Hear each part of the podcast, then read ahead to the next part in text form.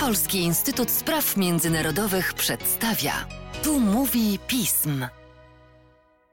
W podcaście Polskiego Instytutu Spraw Międzynarodowych witam Państwa Łukasz Jasina i witam serdecznie znowu Arka Legiecia, który już u nas w tym tygodniu gościł. Dzień dobry. Mówiąc o Armenii, Azerbejdżanie, rosyjskim udziale w tym wszystkim, Rosja pewnie nam na chwilę teraz wróci, bo Rosja jest aktywnym e, uczestnikiem w jakimś tam stopniu kwestii gruzińskich. Dina Iwaiszwili zrezygnował. No to jest ważna postać w gruzińskiej polityce, chyba najważniejsza po odejściu Saakaszwilego swego czasu. Jak będzie wyglądała gruzińska scena polityczna bez niego i dlaczego on odszedł? Dlaczego zrezygnował? Tak, 11 stycznia, a więc również tego samego dnia, kiedy trwało trójstronne spotkanie ormiańsko-azersko-rosyjskie w Moskwie, w Gruzji doszło do bardzo ważnego wydarzenia. Otóż Zina Iwaniszwili, twórca partii Gruzińskie Marzenie, jej przewodniczący, były premier, najbogatszy Gruzin, oligarcha, ogłosił, że odchodzi z polityki. Jako powód swojej decyzji Iwaniszwili podał swój wiek. Powiedział, że powoli zbliża się do osiągnięcia wieku 65 lat i chciałby wrócić do swojego życia, jakie toczył przed 2012 rokiem, do życia spokojniejszego. Chce się w tym celu odsunąć od polityki i przekazać pałeczkę młodszym politykom. Oczywiście moglibyśmy powiedzieć, no dobrze, no to sprawa załatwiona, gratulujemy, wszystkiego dobrego. Aczkolwiek no, zdajemy sobie sprawę, że to nie jest takie proste. Zina Iwaniszwili był biznesmenem, aczkolwiek w pewnym momencie postanowił wejść do polityki. Od momentu, kiedy wszedł do polityki, zgarnął wszystko. Od 2012 roku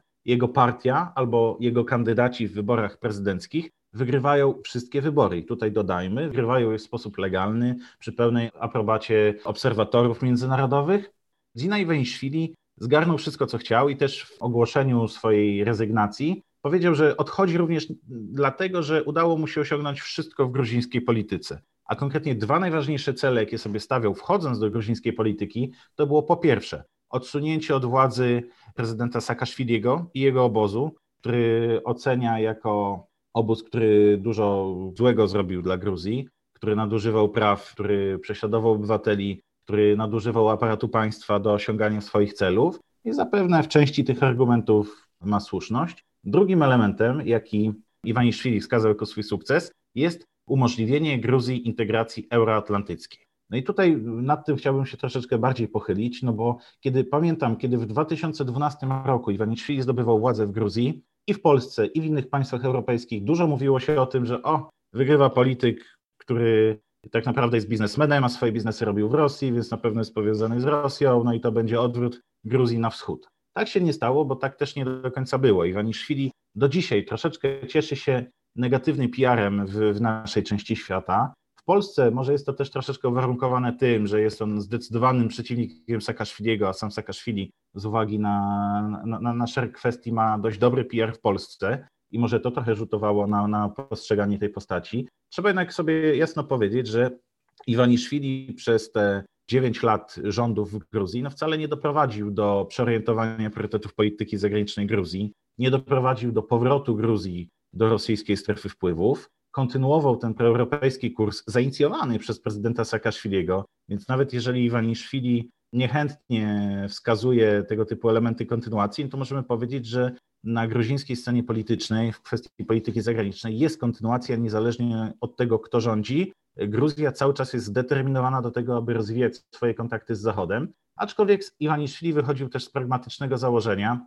że oczywiście ciężko jest znormalizować relacje z Rosją, która kupuje ponad 20% terytorium Gruzji. Jest państwem, które negatywnie przyczynia się do sytuacji politycznej, gospodarczej, wewnętrznej w Gruzji. No ale jednak w tych sektorach, gdzie, gdzie da się coś zrobić, no to Rosja jest zbyt dużym sąsiadem Gruzji, aby Gruzja mogła sobie pozwolić na taką zdecydowanie asertywną politykę wobec Rosji. Iwaniszwili w związku z tym starał się stymulować handel, starał się przyciągać rosyjskich turystów i trzeba przyznać, że to w tych określonych sektorach przynosiło też swój efekt. Oczywiście Zwiększało to też środki oddziaływania na Gruzję, ale one i tak bez tego byłyby na tyle silne, że Rosja tak czy siak wpływałaby negatywnie na sytuację w Gruzji. Naczelnym tego przykładem są, są protesty z 2019 roku, o których już mówiliśmy, które przywoływaliśmy kilkukrotnie. No ale pozostaje teraz pytanie, co będzie dalej z Bdziną? No bo ogłosił, że rezygnuje, zrezygnował tak deklaratywnie z uczestnictwa w polityce, ale zrezygnował też konkretnie z przewodnictwa swojej partii.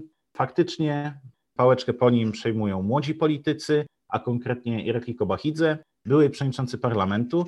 No i to jest również coś symbolicznego, coś znaczącego, ponieważ Irakli Kobachidze był takim kozłem ofiarnym tych właśnie protestów z czerwca 2019 roku. On był wówczas przewodniczącym parlamentu, on był wówczas odpowiedzialny za zorganizowanie wizyty rosyjskiej delegacji, która później spowodowała masowe protesty w Gruzji. Wówczas Kobachidze wraz ze swoimi współpracownikami z parlamentu podał się do dymisji, wziął całą winę na siebie i troszeczkę usunął się w cień.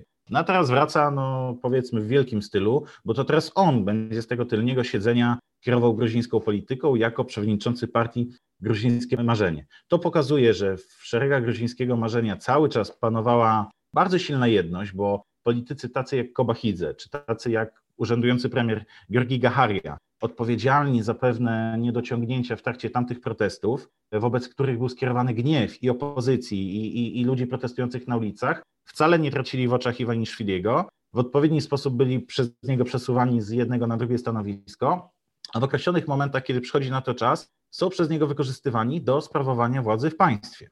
No ale jeżeli spojrzymy na to z perspektywy lotu ptaka i popatrzymy, że premierem jest człowiek Iwaniszwiliego, że przewodniczącym partii będzie człowiek Iwaniszwiliego, że Iwaniszwili dysponuje szeregiem nieformalnych, nieoficjalnych powiązań biznesowo-politycznych z całym środowiskiem gruzińskiego marzenia i z całym aparatem państwowym, jaki przez gruzińskie marzenie został, nie chcę mówić zagarnięty, ale zdominowany w wyniku dziewięcioletnich rządów, no to to nam pokazuje, że bardzo trudno będzie w Dzinie Iwaniszwiliemu zupełnie odsunąć się od gruzińskiej polityki. Oczywiście, może jego udział będzie już mniej aktywny, aczkolwiek nie będzie to takie odsunięcie, od, odsunięcie się od polityki, które umożliwiałoby rządzącym Gruzją wdrożyć jakieś rozwiązania niekorzystne dla Iwaniszwiliego, dla jego biznesu, dla, dla, dla jego statusu, no bo to byłby najlepszy przejaw tego, że Bdzina już nie ma wpływu na nic. A musimy sobie szczerze powiedzieć, że Bdzina go ma i będzie go miał tak długo, jak będzie chciał, ponieważ przez ostatnie 9 lat zagwarantował sobie tyle instrumentów ku temu, że raczej trudno będzie mu zagrozić.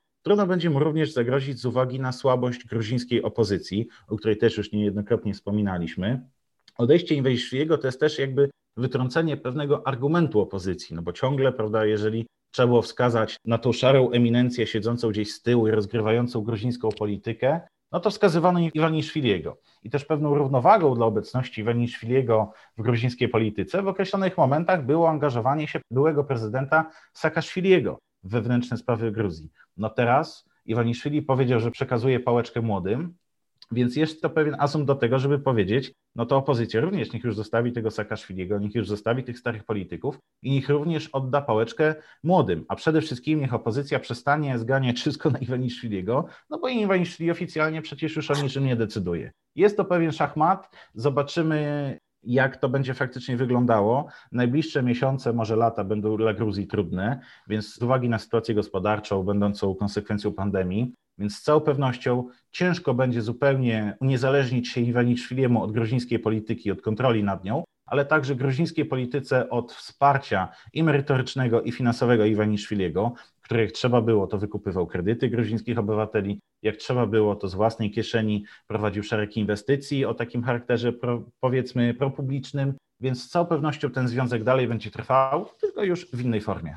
No cóż, pozostaje mi mieć nadzieję, że uda Ci się jakoś nam to wszystko przez najbliższych parę miesięcy opisać. Będziemy w kontakcie, myślę. Dzięki wielkie.